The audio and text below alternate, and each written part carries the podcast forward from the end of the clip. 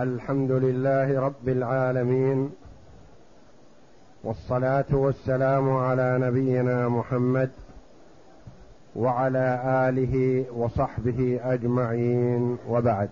بسم الله بسم الله الرحمن الرحيم. قال المؤلف رحمه الله تعالى فصل ويملك العامل الربح بالظهور وعنه لا يملكه لأنه لو ملكه اختص بربحه. والأول المذهب لأنه يملك المطالبة بقسمه فملكه كالمشترك. وإنما لم يختص بربحه لأنه وقاية لرأس المال. قول المؤلف رحمه الله تعالى فصل ويملك العامل الربح بالظهور وعنه لا يملكه. المضاربة كما تقدم أن يدفع الرجل ماله لآخر يتاجر به. ورأس المال لرب المال. والربح بين رب المال والعامل الذي يسمى المضارب على ما اشترطاه حسب اتفاقهما. أحيانا يكون للعامل عشرة في المئة من الربح. إذا قسم الله ربح يكون له العشر. وأحيانا يكون للعامل عشرين في المئة يعني الخمس. وأحيانا يكون له خمسة وعشرون في المئة يعني الربع. وأحيانا يكون له ثلاثون في المئة. وأحيانا يكون أكثر من هذا بحسب مجهود العامل. وتعبه. أحيانا يكفيه العشرة بالمئة لأنه لا يتعب. وأحيانا يطالب بأكثر من رب المال لأنه يتعب في هذا المال ويخاطر بنفسه وبمجهوده الزائد فيطالب بأكثر. ويصح على حسب ما اتفقا عليه أو اشترطاه. يكون للعامل عشرة بالمئة ويكون للعامل أحيانا سبعون في المئة ولرب المال ثلاثون في المئة. وأحيانا يتفقون على المناصفة. متى يملك العامل الربح؟ هل يملكه بالظهور أو لا يملكه إلا بالقسمة وتصفية المضاربة. قولان في المذهب. المذهب أنه يملكه بالظهور. إيش معنى يملكه بالظهور؟ سيأتي. القول الآخر لا يملكه بالظهور لأنه ربما يظهر الربح في هذه الصفقة ثم يضمحل الربح في الصفقة الثانية لوجود الخسارة. يملكه بالظهور. إذا اتفقا مثلا على أن سلم رب المال للعامل ألف ريال يتاجر به. فذهب العامل إلى الميناء واشترى بضاعة وأحضرها لأسواق مكة وباع ما اشتراه بألف ريال باعه بألف وخمسمائة ريال. الآن ظهر الربح أم لا؟ بلى ظهر. كم الربح خمسمائة ريال. اتفق على المناصفة. من هذه الخمسمائة مئتان وخمسون للعامل ومئتان وخمسون لرب المال. هنا الربح ظهر؟ ظهر. يقول المؤلف رحمه الله ويملك العامل الربح بالظهور. يعني تبين أن للعامل الآن مئتان وخمسون ريال. ولرب المال ألف ومئتان وخمسون ريال. له رأس ماله وله الربح. يقول يملكه بالظهور معناه ملك العامل الآن مئتين وخمسين ريالا. وعنه رواية أخرى قال لا ما يملك. لأنه إذا ملك قد يملكها الآن ثم يذهب مرة أخرى إلى الميناء ولا يتركز ولا يتمهل. ويندفع يريد ربح مثل الأول. فيشتري بألف وخمسمائة ريال التي معه ثم يدخل به إلى أسواق مكة فيبيعه بتسعمائة ريال. وين الربح؟ راح. ظهر في الصفقة الأولى لكن ذهب في الصفقة الثانية. على الرواية الثانية يقول ما يملكه ما صار شيء إلى الآن. ويعلل بأنه لا يملكه. قال لأنه لو ملكه لاختص بربحه. كيف معنى اختص بربحه؟ لو ملكه اختص بربحه. يقول ما يملكه؟ لأمرين.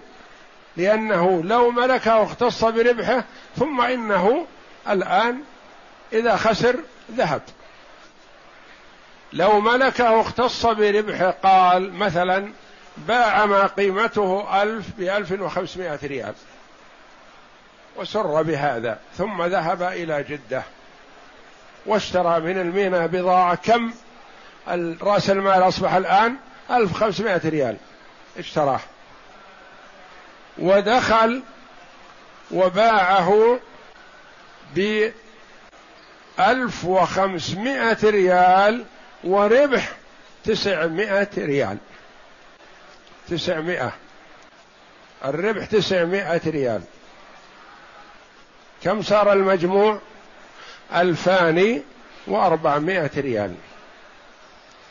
قال لو ملكه لاختص العامل بربح المئتين والخمسين التي هي عبارة ألف وخمسمائة وألف وخمسمائة ألف وخمسمائة مجزأة ثلاث مرات على خمسمائة ست مرات على مائتين وخمسين. كان يختص بربح المائتين والخمسين هذه ما يشارك رب المال فيها لأنها ربح ماله فهو له مئتان وخمسون ومئة وجزء من الربح هذا للمئتين والخمسين. سدس التسعمائة التي صارت ربح. كم سدسها؟ مئة وخمسون. ستكون من اختصاص من؟ العامل. لأنها ربح ماله. ولا قال أحد بهذا. ما قال إنه يختص بربح بربح الربح الذي يخصه. فهذا مما يرد به قول من قال إنه لا يختص به ولا يملكه بالظهور لأنه لو ملكه ملك ربحه. ماذا تقولون أيها الذين تقولون إنه يملكه؟ يقولون لا ما نقول يملك الربح. ما يختص بالربح لأنه لو اختص بالربح لجاءه أكثر مما شرط له. وهو لا يستحق إلا النصف. نصف الربح مطلقا.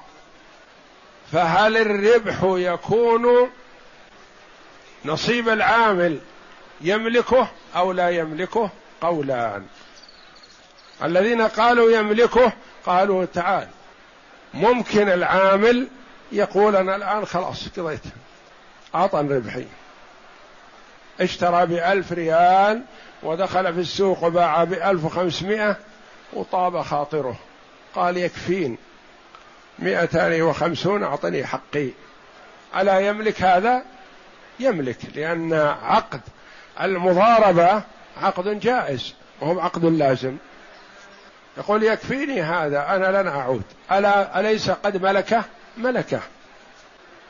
الذين قالوا لا يملكه قالوا لو ملكه لاختص بربحه ولا يقول أحد إنه يختص بربح نصيبه. لأنه مراعى.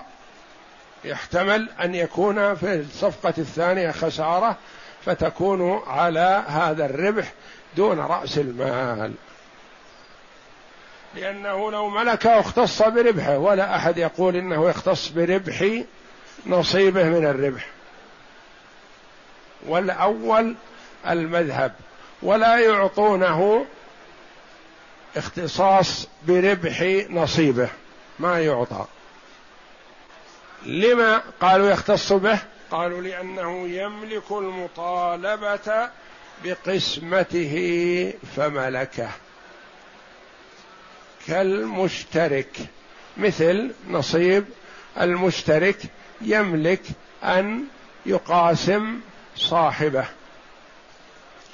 تعليل آخر لمن قال إنه يملكه يقول إن هذا النصيب الذي هو مقدار الربح للعامل 250 ريال من لمن هي؟ أتقولون إنها لرب المال؟ لا. وتقولون إنها لغير ليست للعامل؟ ما ملكها العامل؟ من يملكها إذن؟ مئتان وخمسون في هذه البضاعة من ربها؟ ما له مالك. لا بد أن نقول يملكها العامل. هذا ترجيح لقول المؤلف بأنها يملكها العامل لكن ملك مراعى مهم ملك ناجز. وإنما يملكها ملكا مراعى لأنه لا تكون هذه عائمة لا يملكها أحد. لابد أن يملكها رب المال أو يملكها العامل. فإذا قلتم لا يملكها العامل فنحن متفقون على أن رب المال لا يملكها. إذا من يملكها؟ ما لها مالك. نعم. وإنما والأول المذهب. والأول المذهب لأنه يملك المطالبة بقسمه فملكه كالمشترك. مثل المشترك إذا أطالب بقسمة الشركة. كذلك المضارب يطالب بقسمة ربح المضاربة ليأخذ نصيبه. نعم. وإنما لم يختص بربحه لأنه وقاية لرأس المال. وإنما لم يختص بربحه ما يختص بربح هذا الجزء من الربح لأنه مجعول وقاية لرأس المال ما دام المضاربة قائمة. فإذا صفيت المضاربة أخذ نصيبه. نعم. فصل. ولكل واحد منهما فسخ المضاربة لأنها عقد جائز. ولكل واحد منهما من هم رب المال والعامل المضارب. لكل واحد منهما فسخ المضاربة. مثلا المضا... رب المال أعطى العامل ألف ريال. قال تاجر به. وما يقسم الله من ربح بيننا مناصفة. فأخذ العامل المال ألف ريال وذهب واشترى به بضاعة. ثم جاء بها وباعها في السوق بتسعمائة ريال. فقال رب المال يظهر أنك ما تجيد. التجارة. ولا سبق أن تعلمت والتجارة تحتاج إلى بصيرة ومعرفة بالقيم والأسواق وكأنك تريد أن تتعلم التجارة بمالي. سلمني مالي ولا أريد منك شيئا. كم سيسلمه؟ تسعمائة ريال. قال حسن. الخسارة مائة ريال أحسن من يذهب رأس المال كله. يظهر أنك لا تعرف. فيملك رب المال أن يلغي المضاربة. كذلك العامل يملك إنهاء المضاربة. يأخذ المال من رب المال ألف ريال ويشتري به بضاعة ثم يحضرها إلى السوق فيبيعها بألف وخمسمائة ريال فيقول الحمد لله ساق الله هذا الربح يكفيني لمدة سنة لما أشق على نفسي؟ نقسم المضاربة. يقول الله رب المال استمر. ما دام هذا ربح الحمد لله. استمر. يقول لا خلاص. أنا يكفيني هذا. ألا يملك؟ يملك. فكل واحد منهما يملك فسخ المضاربة. لأن فسخ المضاربة عقد جائز في عقود عقد لازم وعقود عقد جائز. إذا باع رجل على آخر داره وتم البيع بعد يومين أو ثلاثة يقول لا بطلنا عن البيع لا البيع عقد لازم. إذا استأجر شخص من آخر داره وسكن فيها يأتيه رب الدار بعد أسبوع عشرة أيام يقول أخذ الدار. أنا أريد داري. يقول أنا استأجرتها منك لمدة سنة. يقول لا يا أخي أنا في حاجة إليها. هل يملك إخراجه؟ لا ما يملك لأن عقد الإجارة عقد لازم. رجل وقف أرضه مسجد وأذن للناس يصلون فيها. فبعد شهر أو شهرين أقفل الباب وقال من يشتري؟ أنا وقفت صحيح لكني أريد الآن المال. أنا فقير وفي حاجة أريد أن أبيع الوقف. نقول لا الوقف عقد لازم. ما دام وقفت ما تعدل عن الوقف خلاص. عقد لازم. عقد جائز.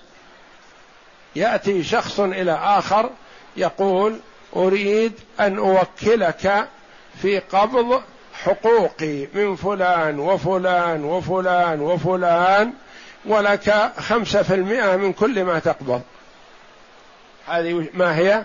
وكالة. فذهب إلى الرجل الأول وقبض منه عشرة آلاف وأخذ خمسة في المئة مما قبض. ثم ذهب إلى الآخر واستلم منه عشرين ألف وأخذ خمسة في المئة مما قبض واستمر. فأراد الموكل أن يلغي الوكالة. يقول يكفي خلاص. قال لا يا أخي أنت وكلتني في عشرة وأنا قبضت الحق من اثنين فأمهلني حتى أكمل. قال لا يكفي. فهل الوكالة عقد لازم حسب ما اتفقوا عليه أم عقد جازم؟ جائز. جائز. يملك الموكل أن يلغي الوكالة. كما يملك الوكيل إلغاء الوكالة. يوكله في قبض حقوقه عند الناس مثلا من فلان وفلان وفلان وله خمسة في المئة مما يقبض. فذهب إلى الأول فوعده بعد يومين ثم عاد إليه فوعده بعد خمسة أيام ثم وعده بعد كذا ثم وعده بعد كذا ثم آخر الوقت قال ما عندي شيء عندي لفلان حق لكن ما أستطيع أسدد ومماطل. فتعب الوكيل وقال الخمسة في المئة مما أقبض ما تساوي هذا التعب مع الناس. فجاء إلى الموكل ورمى عليه وكالته وقال هذه وكالتك يا أخي خلاص أنا أتعبوني أصحابك. عملائك متعبون. فأنا لا أريد هذه الوكالة. فالوكالة حينئذ عقد جائز غير ملزمة. فرق وكذلك المضاربة مثلها عقد جائز وليس بملزم. نعم. فإذا فسخ والمال عرض فاتفق فاتفقا على قسمه أو بيعه جاز. فإذا فسخ والمال عرض. عرض يعني بضاعة يعني أمو... ليست نقدين. ليست ذهب ولا فضة. سجاد أو أطعمة أو أواني. أو مكائن ونحوها. فاتفقا على قسمه أو بيعه جاز. قال يا أخي البضاعة الآن إحنا وقفنا خلاص من العمل. لكن الربح عندنا عشر مكاين. الربح فيها مكينتين رأس مالنا في الثمان. والمكينتين ربح. وقد اتفقنا على أن كل واحد له نصف الربح فأنا لي مكينة وأنت لك مكينة فاقتسما جاز. أو قال وقف البضاعة لا تبيع ولا تشتري إلا هذه المكاين بيعها وننظر ماذا تصفي ونقتسم الربح. يعني إذا اتفقوا على البيع أو القسمة جاز. في الصورة الأولى اتفقوا على القسمة. قالوا الربح عرف الآن الربح مكينتان. لك واحدة ولي واحدة.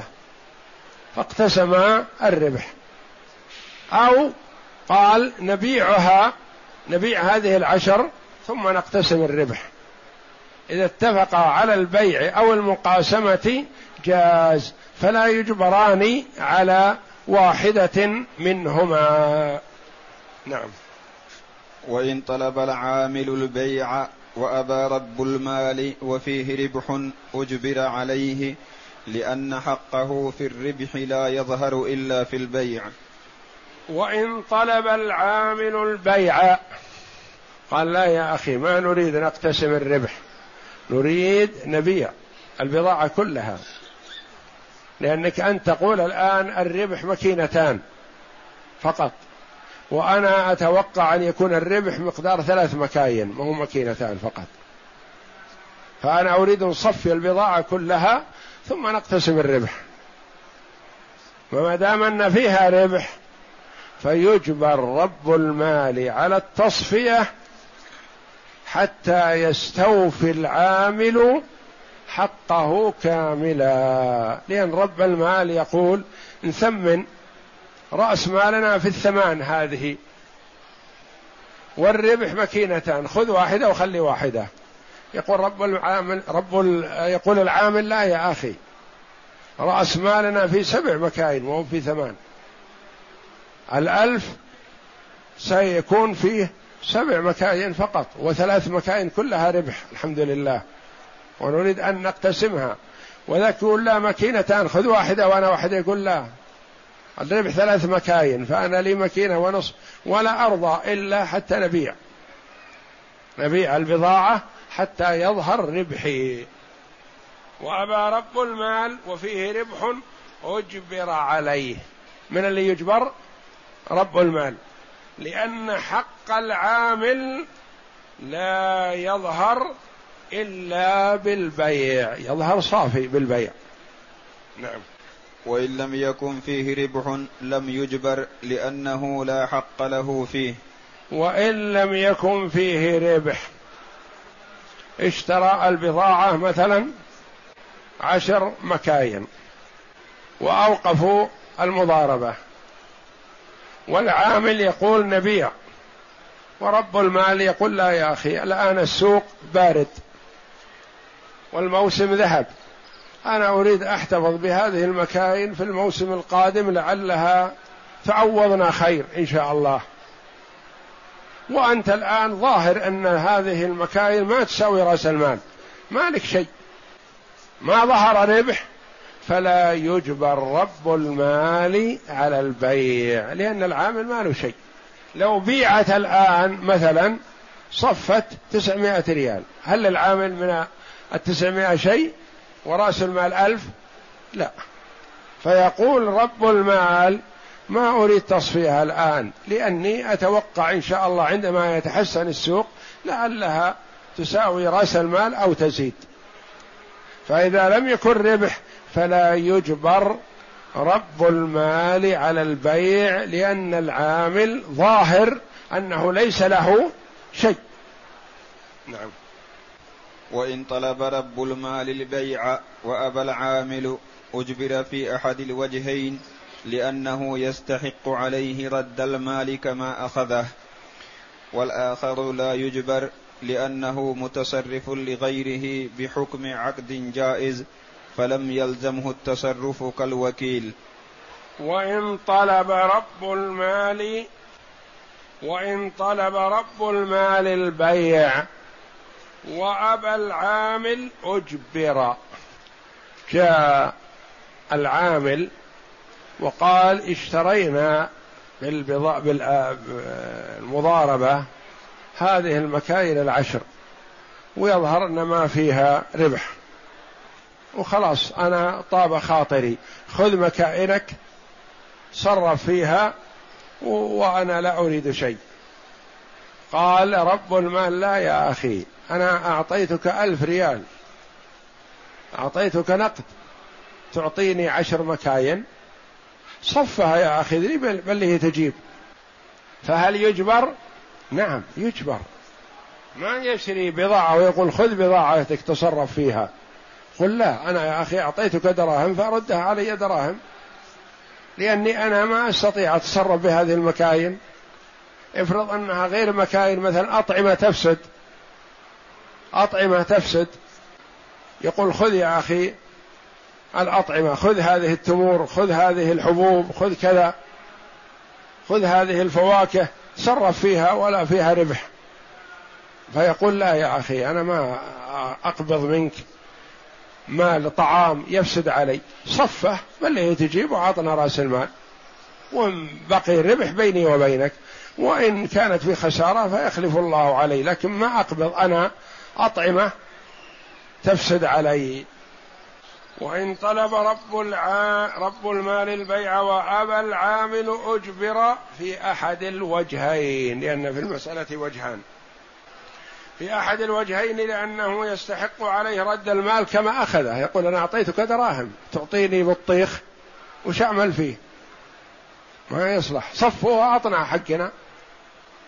والآخر لا يجبر لأنه متصرف لغيره بحكم عقد جائز فلم يلزمه التصرف. القول الآخر يقول ما يلزمه. والأول أظهر والله أعلم لأنه ربما يذهب رأس المال كله على رب المال. يقول أنا أعطيتك يا أخي ألف ريال وتعطيني خضرة أو بقول أو كذا أو كذا تفسد علي. صفها بعها وأسلمني حقي. والقول الآخر أنه لا يجبر قال لأنه متصرف لغيره.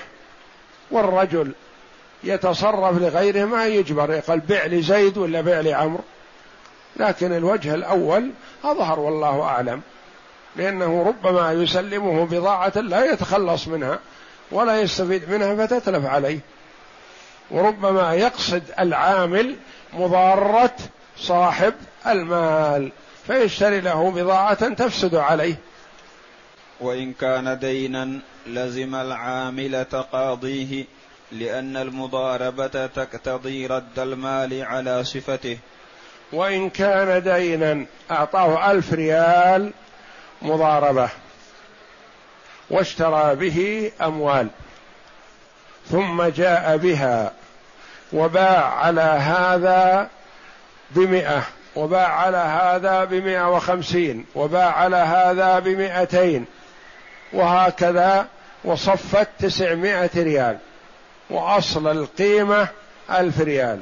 جاء العامل وقال أنا أخذت منك ألف ريال مضاربة واشتريت به بضاعة وجئت بها إلى الأسواق وبعتها.